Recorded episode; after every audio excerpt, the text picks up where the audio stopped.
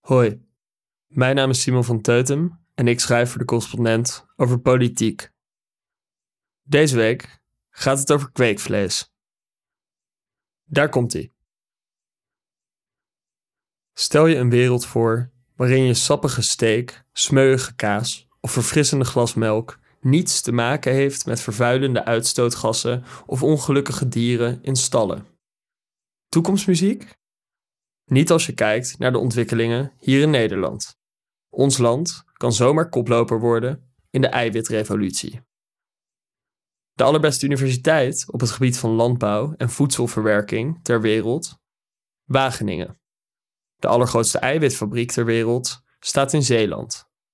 Op fietsafstand van die fabriek werkt de oprichter van de vegetarische slager nu aan plantaardige kaas. Die maakt gebruik van precisiefermentatie. Een proces waarbij micro-organismen worden ingezet om plantaardige eiwitten te creëren, die qua structuur en smaak lijken op kaaseiwitten. De eerste hamburger van kweekvlees werd ontwikkeld dankzij jarenlang onderzoek door professor Mark Post van de Universiteit van Maastricht. Post is ook medeoprichter van Moza Meat, dat een capaciteit in huis heeft om honderdduizenden smakelijke hamburgers per jaar te verkopen waar geen dier voor is geslacht. Let wel, dit is niet alleen leuk voor voedseltechnologie-nerds. De huidige vlees- en zuivelindustrie zorgt voor enorme broeikasuitstoot en gesubsidieerd dierenleed. We doden in Nederland anderhalf miljoen kippen, 45.000 varkens en 5.000 koeien per dag. Daarvoor volwaardige en smaakvolle alternatieven ontwikkelen is geen kwestie van innoveren omdat het kan. Het is bittere noodzaak. Vorig jaar zag de Nederlandse regering eindelijk de unieke positionering van ons land. Toen ze besloot 60 miljoen euro te investeren in cellulaire landbouw. Dat lijkt veel geld, maar in het grote geheel is het veel te weinig. Nederland lijkt alles in huis te hebben om wereldwijd koploper te worden in de ontwikkelingen van alternatieven voor vlees en zuivel. Dus de grote vraag is: wat houdt ons tegen? De grootste uitdaging is niet technologisch, maar politiek. Dat beaamt Jaap Korteweg, die in 2008 medeoprichter van de vegetarische slager was en nu, met Doos Vegan Cowboys, kaas zonder koeien ontwikkelt. Als we dezelfde wil en investeringen die we zien in de energietransitie toepassen op de voedseltransitie, kunnen we wereldleiders worden op dit gebied, zegt hij. Korteweg ziet nu het omgekeerde gebeuren. Sinds 1 januari wordt plantaardige zuivel zwaarder belast, maar dierlijke zuivel niet. En niet alleen in Nederland wordt het vlees- en zuivelalternatieven moeilijk gemaakt.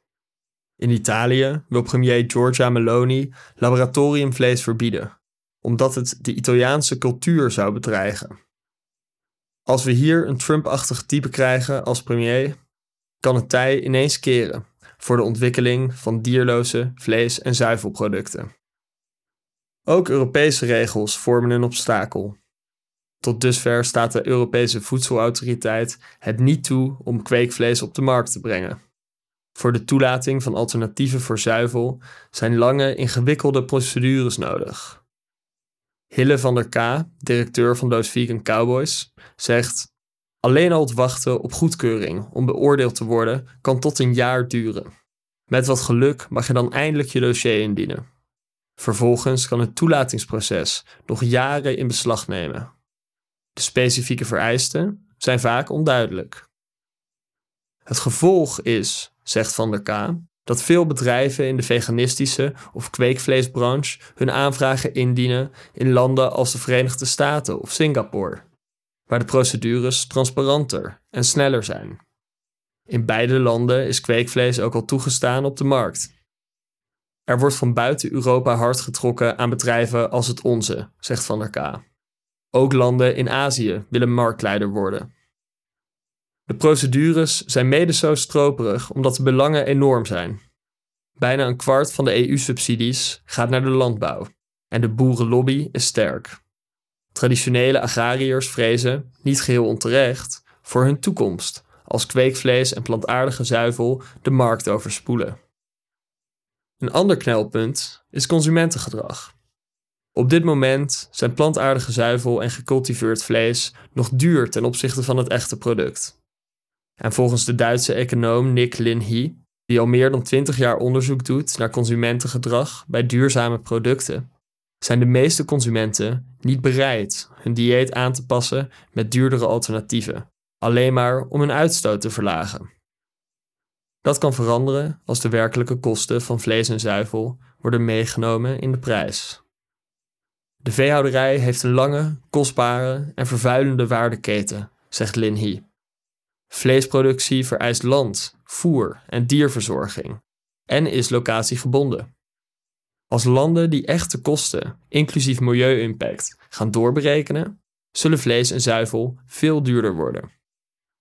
Lin He verwacht bovendien dat gecultiveerd vlees de komende decennia goedkoper zal worden en daarmee een steeds groter marktaandeel kan winnen.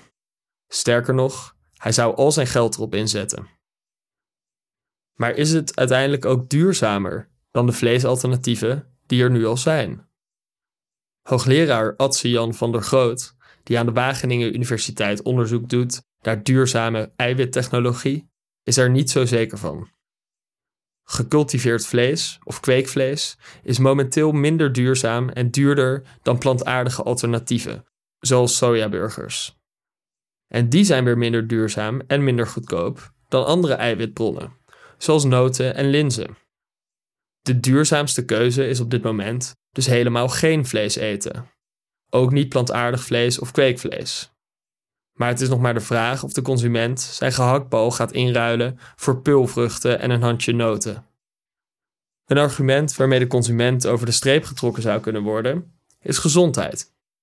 Van der Groot is betrokken bij een onderzoek waar vlees gedurende 10 weken vervangen wordt door vleesvervangers. Uit eerder onderzoek blijken al aanzienlijke gezondheidsvoordelen, met name bij het tegengaan van hart- en vaatziekten. Hoe dan ook is het potentieel van duurzame vlees en zuivel voor Europa enorm, zegt Lin He, die de bal teruglegt bij de politiek. We hebben met onze topuniversiteiten, zoals Wageningen, de benodigde kennis.